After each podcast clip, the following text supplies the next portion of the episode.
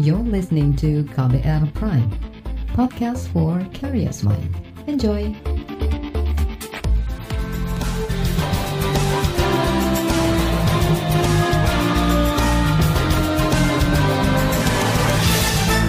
Halo selamat sore saudara, inilah KBR sore hari ini edisi 25 Juni 2021. Saya Reski Mesanto sore hari ini kembali jadi teman Anda selama kurang lebih 30 menit ke depan. Dan sore ini saya mau ajak Anda untuk membahas dorongan kepada tokoh-tokoh agama dan masyarakat untuk ikut mensosialisasikan bahaya COVID-19, pentingnya vaksinasi dan juga taat protokol kesehatan. Kasus corona yang terus bertambah di Indonesia bahkan mencapai 20 ribu dalam sehari ini disebabkan rendahnya kesadaran masyarakat terhadap bahaya COVID-19 sehingga muncul klaster tarawih, klaster musola, klaster hajatan, dan sebagainya. Lantas bagaimana pemerintah menggandeng para tokoh agama? Kita bahas sore hari ini selengkapnya di KBR Sore. Saudara, pemerintah terus meminta masyarakat mengurangi mobilitas yang tidak perlu untuk menekan angka sebaran COVID-19 yang terus meningkat. Menteri Kesehatan Budi Gunadi Sadikin hari ini mengatakan, semua upaya yang dilakukan pemerintah pusat dan daerah akan sia-sia jika pelaksanaan protokol kesehatan masyarakat tidak maksimal. Berikut pernyataan Menteri Kesehatan Budi Gunadi Sadikin sulit menjawab dengan pasti kapan pandemi ini akan berakhir. Karena setelah saya melihat pola pandemi ini, ini semuanya bergantung kepada kita. Berapa lama pandemi akan terus ada, itu tergantung pada kita. Berapa banyak kasusnya akan naik, itu tergantung kepada kita. Berapa banyak orang yang masuk rumah sakit, saudara-saudara kita, tenaga kesehatannya masuk rumah sakit, itu juga tergantung kepada kita.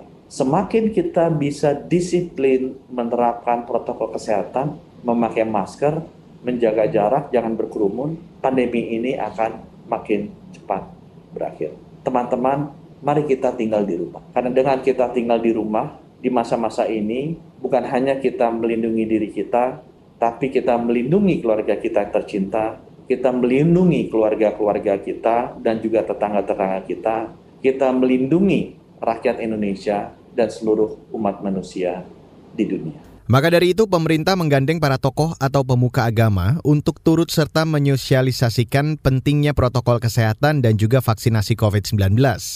Saat mengunjungi Bangkalan Madura pada pekan lalu, Menteri Koordinator Bidang Politik, Hukum, dan Keamanan Mahfud MD meminta para tokoh agama bisa mengajak dan meyakinkan masyarakat untuk paham betul bahaya virus corona.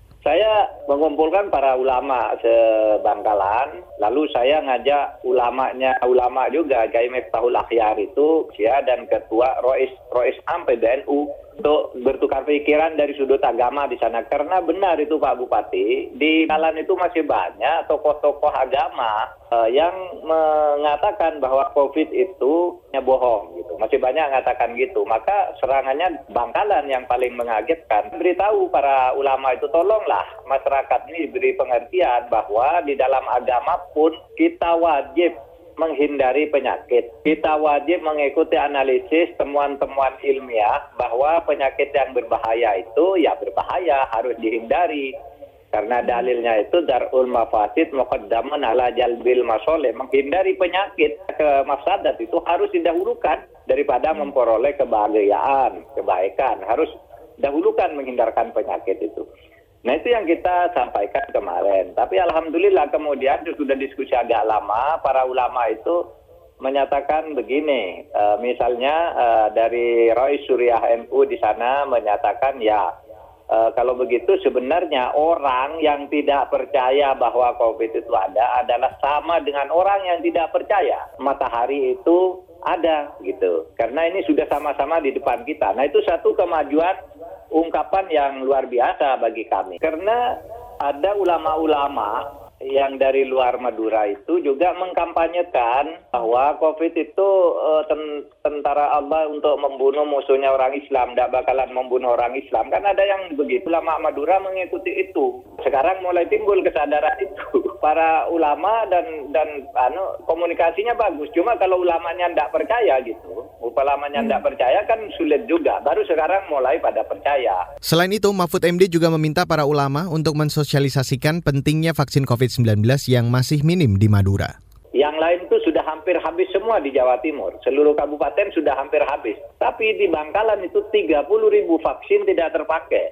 Kenapa? Karena rakyatnya tidak mau divaksin, lari. Kalau di situ merasa berpikir uh, dia akan dibawa ke rumah sakit, dia juga tidak mau swab, tidak mau antigen karena merasa kalau nanti saya ketahuan saya dipaksa ke rumah sakit, padahal maunya di rumah gitu. Semua yang sedang kita selesaikan dan memberi pengertian-pengertian. Perkembangannya lumayan, saya dengar sesudah Panglima ke sana, Kapolri ke sana, Menteri Kesehatan ke sana, saya ke sana, saya tadi dapat informasi. Alhamdulillah sekarang banyak pesantren-pesantren yang tadinya menolak vaksin, sekarang sudah antri, minta jadwal segera divaksin.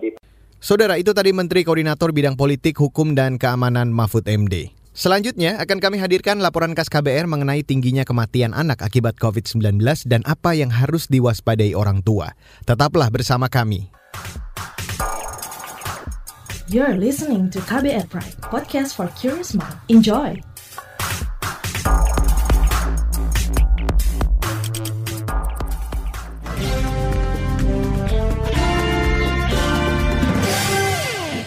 Saudara, angka infeksi dan kematian anak usia 0 hingga 18 tahun di Indonesia terus meningkat, terutama saat terjadi lonjakan kasus COVID-19 belakangan ini. Data Ikatan Dokter Indonesia menyebut satu dari delapan pasien COVID-19 di Indonesia adalah anak-anak. Bahkan angka kematian anak karena COVID di Indonesia tertinggi di dunia. Apa yang harus diwaspadai orang tua? Berikut saya hadirkan laporan yang disusun Reski Novianto. Jumlah kematian anak balita selama pandemi di Indonesia meningkat hampir 50 persen. Setidaknya ada seribuan kematian anak di Indonesia setiap minggunya.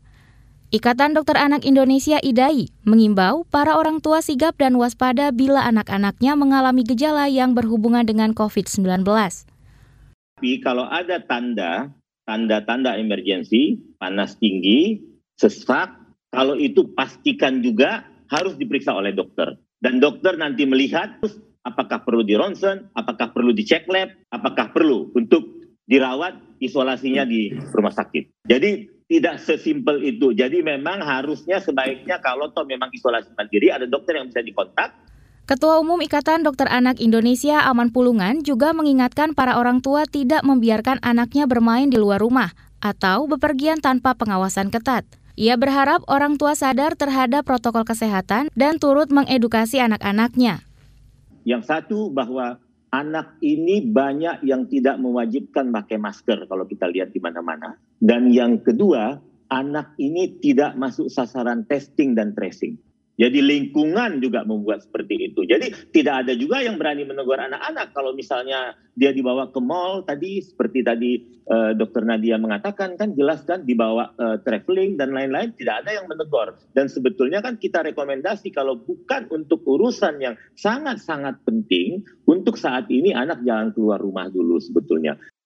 Tingginya kasus positif corona pada anak juga membutuhkan ruang layanan kesehatan yang mencukupi terutama ruang isolasi atau perawatan khusus anak. Sayangnya, jumlahnya tidak sebanyak ruang perawatan untuk dewasa. Sekretaris Jenderal Perhimpunan Rumah Sakit Seluruh Indonesia Persi Lia G. Pratakusuma membantah anggapan pelayanan bagi anak terpapar COVID-19 tidak jadi prioritas di rumah sakit kalau dikatakan bahwa rumah sakit tidak siap, uh, tidak juga sebetulnya. Karena di beberapa rumah sakit itu memang kita menyediakan tempat untuk COVID yang uh, terutama ruang isolasi biasa. Jadi yang kurang itu memang misalnya ICU anak ya itu memang uh, jumlahnya terbatas. Dan uh, pada umumnya ada uh, ICU anak ini lebih banyak ada di rumah sakit besar atau di kota besar namun demikian, Lia mengakui sementara ini belum banyak rumah sakit yang menyediakan tempat isolasi bersama antara orang tua dan anaknya. Menurutnya, hanya ada beberapa rumah sakit swasta yang menyediakan ruang perawatan khusus anak dan orang tua.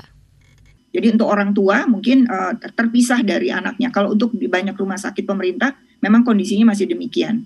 Ya pada umumnya kalau memang uh, di rumah sakit rumah sakit itu kan ada perawat. Jadi biasanya memang kalau untuk yang uh, memungkinkan memang dirawatnya itu akhirnya anak-anak itu sendiri.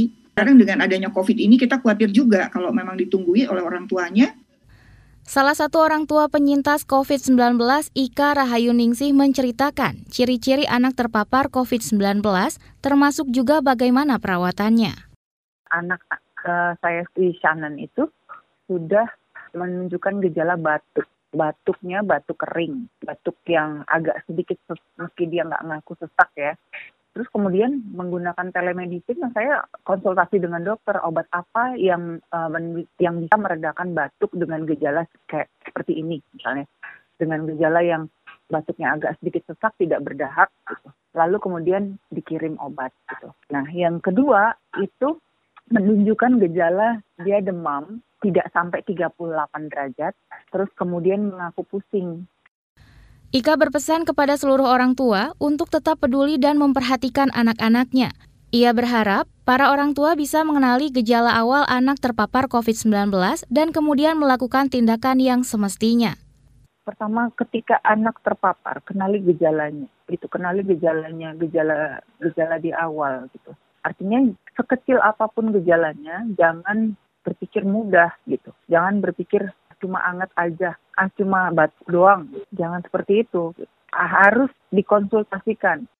Demikian laporan yang disusun Reski Novianto, saya Dwi Renjani. Saudara, upaya sosialisasi dan imbauan mengurangi mobilitas memang sudah dilakukan para pemuka agama dengan meminta para jamaahnya melakukan ibadah di rumah.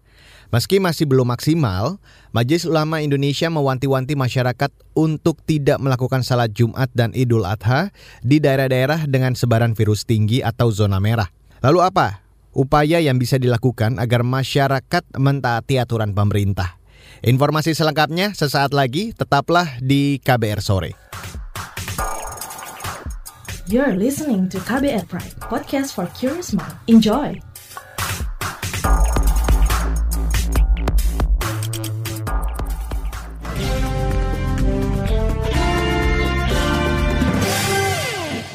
Anda masih mendengarkan KBR sore hari ini. Saudara, lonjakan kasus COVID-19 di Indonesia mencapai rekor tertinggi selama pandemi, yakni lebih dari 20 ribu kasus per hari pada Kamis 24 Juni kemarin. Seluruh elemen masyarakat diimbau untuk terus mentaati protokol kesehatan 6M dengan baik, yaitu memakai masker, menjaga jarak, mencuci tangan, mengurangi mobilitas, menghindari kerumunan, dan mengikuti vaksinasi. Tokoh-tokoh agama dan masyarakat diharap mampu untuk menjadi ujung tombak penyampaian informasi dan sosialisasi kepada masyarakat tentang pentingnya protokol kesehatan dan vaksinasi sebagai upaya melawan pandemi. Wakil Ketua Umum Majelis Ulama Indonesia atau MUI Marsudi Syuhud mengajak segenap umat Islam di Indonesia agar tetap menjalankan ibadah di rumah masing-masing. Ia menyebut hal ini dilakukan untuk mencegah penyebaran virus di masa pandemi saat ini menjadi umat Islam itu mestinya menghadapi apa saja problem-problem kehidupan itu lebih mudah, lebih ringan, dan lebih percaya diri. Kenapa? Karena dalam agama yang kita anut telah memberikan guidance, telah memberikan bimbingan-bimbingan, telah memberikan cara-cara untuk menghadapi apa saja termasuk pagebluk wabah COVID-19 ini. Yang perlu dipahami hari ini bahwa rumah sakit-rumah sakit sudah penuh. Banyak orang yang tidak bisa terbawa di rumah sakit sekarang hari ini. Sementara tuntunan agama kita itu membimbing kita dan membuat guidance bahwa hifdun nafsi agnomu min syariah bahwa menjaga jiwa itu adalah tujuan syariah yang paling utama, yang paling penting. Coba bayangkan, kita nggak akan bisa ibadah lagi dengan baik kalau kita sakit. Kita tidak bisa meneruskan amal-amal soleh yang sudah kita lakukan kalau kita meninggal. Kita tidak bisa melakukan karya besar untuk orang yang banyak kalau kita tidak sehat. Nah, itu artinya apa? Menjaga jiwa adalah yang paling pokok, paling utama. Ingat, baru ibadah-ibadah lainnya setelah menjaga jiwa. Marsudi Syuhud yang juga salah satu ketua pengurus besar Nadatul Ulama mengingatkan petua Rasulullah saat dahulu terjadi wabah penyakit. Rasulullah bersabda mengenai cara menghadapi wabah penyakit, yakni jangan memasuki daerah tersebut dan bagi masyarakat di daerah wabah jangan keluar dari daerah itu. Marsudi meminta seluruh umat Islam di Indonesia mentaati aturan pemerintah yang telah ditetapkan dalam rangka mencegah penyebaran COVID-19. Hukum ini disebut hukum tetap, hukum sabat dari ajaran agama. Yang hukum tetap dan hukum sabat yang tidak tambah dan kurang sudah dijelaskan oleh agama, kemudian disatukan, dibumikan, dilendingkan menjadi nidom aturan-aturan. Itulah yang disebut al-jam'u bainas sabat wan nidom. Bagaimana menyatukan antara hukum Tuhan nah. dengan aturan-aturan. Aturan-aturan yang dibikin oleh Pemda, oleh pemerintah, pakai perpres, pakai peraturan menteri, pakai peraturan daerah, itu sesungguhnya untuk membumikan aturan agama. Maka ketika kita mengikuti aturan yang sudah ada dari pemerintah ini itu sama nilainya kita mengikuti aturan agama. ajaran agama. Hukum ini disebut hukum tetap, hukum sabat dari ajaran agama. Yeah. Yang hukum tetap dan hukum sabat yang tidak tambah dan kurang sudah dijelaskan oleh agama, kemudian disatukan, dibumikan dilendingkan menjadi nizam, aturan-aturan. Itulah yang disebut al-jam'u bainas sabat wan nizam. Bagaimana menyatukan memerge antara hukum Tuhan dengan aturan-aturan. Nah, aturan-aturan yang dibikin oleh Pemda, oleh pemerintah, pakai perpres, pakai peraturan menteri, pakai peraturan daerah, itu sesungguhnya untuk membumikan aturan agama. Maka ketika kita mengikuti aturan yang sudah ada dari pemerintah ini itu sama nilainya kita mengikuti aturan ajaran agama. Sementara itu upaya sosialisasi juga dilakukan Keuskupan Agung Jakarta. Sekjen Kuskupan Agung Jakarta, Adi Prasojo meminta gereja-gereja Katolik, khususnya di wilayah Jakarta, menghentikan sementara pelaksanaan ibadah tatap muka dan diganti dengan misa atau ibadah daring. Adi Prasojo meminta umat Katolik tetap mematuhi protokol kesehatan serta ikut bertanggung jawab terhadap keselamatan diri sendiri dan orang lain di sekitarnya. Kami mengajak setiap umat beriman, seluruh umat Allah Kuskupan Agung Jakarta untuk bersama-sama mewujudkan sikap peduli dengan bertanggung jawab atas kesehatan dan keselamatan sesama dan diri sendiri. Mari kita terus menerapkan 5M. Mencuci tangan, menjaga jarak, menggunakan masker, menghindari kerumunan, mengurangi mobilitas, serta tidak lupa kita terus tekun berdoa memohon kepada Tuhan agar pandemi COVID ini segera berakhir dan kita bersama-sama bersama anak bangsa yang lain bergotong royong demi Indonesia sehat, Indonesia maju. Tuhan memberkati kita semua. Pembatasan ini, kebijakan ini akan berlaku sampai kita mendapatkan arahan dan keputusan baru dari pihak pemerintah pusat dan juga pemerintah daerah dan juga dalam dinamika antara tim gugus kendali Keuskupan Agung Jakarta dengan tim gugus kendali di tiap-tiap paroki. Dan terakhir sebagai himbauan kami mengajak setiap umat beriman, seluruh umat Allah Keuskupan Agung Jakarta untuk bersama-sama mewujudkan sikap peduli dengan bertanggung jawab atas kesehatan dan keselamatan sesama dan diri sendiri. Mari kita terus menerapkan 5M. Mencuci tangan, menjaga jarak, menggunakan masker, menghindari kerumunan, mengurangi mobilitas, serta tidak lupa kita terus tekun berdoa memohon kepada Tuhan agar pandemi COVID ini segera berakhir dan kita bersama-sama bersama anak bangsa yang lain bergotong royong demi Indonesia sehat, Indonesia maju. Tuhan memberkati kita semua.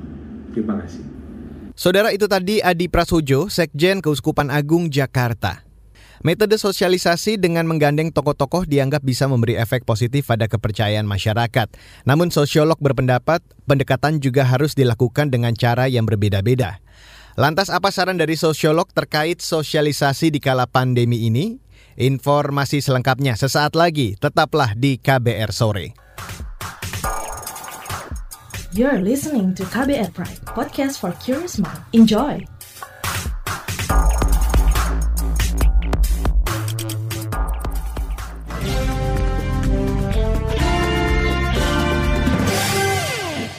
Saudara Anda masih bergabung di KBR sore hari ini? Di sejumlah daerah, kepatuhan masyarakat melaksanakan protokol kesehatan kian menurun. Ditambah lagi masih banyak yang menolak vaksinasi. Padahal taat protokol kesehatan serta meningkatkan kekebalan tubuh tinggi dibutuhkan untuk mencegah laju kasus penularan COVID-19. Sosiolog Universitas Erlangga, Bagong Suyanto menyebut, pemerintah tak bisa hanya melakukan pendekatan yang seragam terhadap seluruh kelompok masyarakat. Butuh pendekatan yang berbeda dengan melibatkan orang-orang yang bisa mempengaruhi kelompok tersebut. Berikut saya hadirkan wawancara jurnalis KBR Astri Septiani dengan sosiolog Universitas Erlangga, Bagong Suyanto. Prof terkait kasus COVID-19 kan angkanya masih terus meningkat begitu. Sementara penerapan protokol kesehatan di masyarakat mulai kendur dan sebagian masyarakat juga masih ada yang enggan divaksinasi. Padahal keduanya dibutuhkan untuk mencegah penularan COVID-19. Bagaimana caranya Prof untuk mengubah perilaku masyarakat agar lebih waspada terkait situasi pandemi ini? Uh, saya kira pandemi karena ini pandemi ya pengalaman baru dan ketika pandemi ini berlangsung lebih dari satu tahun itu membuat stamina orang untuk mengikuti protokol kesehatan sebagian memang kendur ya. Dalam arti sebagian masyarakat mungkin sudah jenuh dan juga didera kebutuhan lain yang membuat masyarakat tidak lagi ketat dalam mengikuti protokol kesehatan. Nah, bagaimana caranya supaya uh, masyarakat mau ya, supaya persoalan ini juga menjadi sense of belonging masyarakat untuk ikut bertanggung jawab menangani ini. Ini menurut saya memang tidak mudah ya. Tapi kuncinya menurut saya adalah pada kesediaan pemerintah untuk mengembangkan variasi pendekatan yang berbeda-beda ketika menghadapi profil masyarakat yang juga bervariasi. Karena profil sosial budaya itu juga membutuhkan pendekatan yang berbeda-beda, mendekati anak muda, mendekati perempuan sosialita, mendekati bapak-bapak yang eh, apa beragam subkulturnya itu tentu juga membutuhkan pendekatan yang tidak sama ya. Nah itu mungkin yang harus dikembangkan ke depan variasi pendekatan yang sesuai dengan subkultur masyarakat itu yang harusnya menjadi agenda pemerintah. Hmm. Ya meminta masyarakat untuk vaksin itu juga butuh pendekatan yang yang uh, berbasis pada variasi subkultur masyarakat itu. Kan ada juga masyarakat yang resisten tidak mau divaksin ya. Itu saya kira juga membutuhkan pendekatan yang berbeda-beda. Menurut Prof sendiri bagaimana sih sosialisasi atau pendekatan pemerintah begitu ke masyarakat terkait penanganan COVID-19 mulai dari sosialisasi protokol kesehatan hingga soal vaksinasi begitu. Apakah sudah baik dan apa yang masih perlu diperbaiki? Kalau sampai detik ini yang lebih menjadi fokus pemerintah itu kan pada pendekatan yang sifatnya medis ya. Artinya yang lebih dijelaskan adalah bagaimana memberikan pemahaman atau literasi kesehatan kepada masyarakat bahwa ini adalah virus yang berbahaya, mengancam keselamatan, kesehatan dan sebagainya. Tapi belum dikembangkan alternatif pendekatan yang lebih membumi pada subkultur masyarakat ya. Mendekati anak muda misalnya, ini kan beda dibanding mendekati orang tua mendekati kelompok keagamaan atau komunitas keagamaan tentu beda dengan komunitas urban yang rasional. Jadi ini butuh variasi pendekatan, Mbak Niti. Untuk kemudian bisa melaksanakan pendekatan yang berbeda-beda ke setiap kelompok masyarakat seperti yang tadi Prof katakan, apa yang bisa dilakukan oleh pemerintah? Harus melibatkan siapa untuk bisa mengedukasi dan sosialisasi kepada masyarakat? Pintu masuknya itu banyak, Mbak. Bisa melewati tokoh masyarakat, bisa melewati uh, RT RW atau bisa juga melewati kelompok-kelompok sekunder di masyarakat. Tapi intinya jangan dihomogenisasi. Harus dengan variasi pendekatan ya mulai dari persuasif sampai pendekatan yang sifatnya regulatif itu butuh pemahaman variasi subkultur masyarakat. Kalau anak muda mungkin lebih mengandalkan influencer, blogger, ya, youtuber, mungkin karena bahasa itu lebih nyambung pada anak-anak muda ya. Tapi kalau pada ibu-ibu sosialita misalnya, mungkin pendekatan yang memanfaatkan selebriti lebih cocok. Kalau komunitas keagamaan ya pendekatan yang meminta bantuan ulama itu lebih masuk. Jadi memang harus sevariatif mungkin. Itu dia Bagong Suyanto, sosiolog Universitas Erlangga. Dan saudara wawancara tadi sekaligus menutup kabar sore untuk hari ini, 25 Juni 2021. Terima kasih untuk Anda yang sudah bergabung sore hari ini dan selalu perbarui informasi Anda melalui kabar baru setiap jamnya. Anda juga bisa mengunjungi website kami di kbr.id dan official Twitter kami di @beritaKBR. Selalu patuhi protokol kesehatan di mana pun Anda berada dan tetaplah di rumah jika tidak ada kebutuhan yang sangat mendesak. Selamat berakhir pekan, salam sehat untuk kita semua. Mewakili tim redaksi yang bertugas sore hari ini, saya Reski Mesanto undur diri. Salam.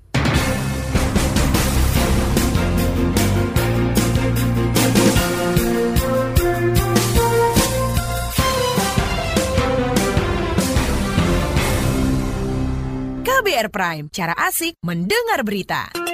KBR Prime, podcast for curious mind.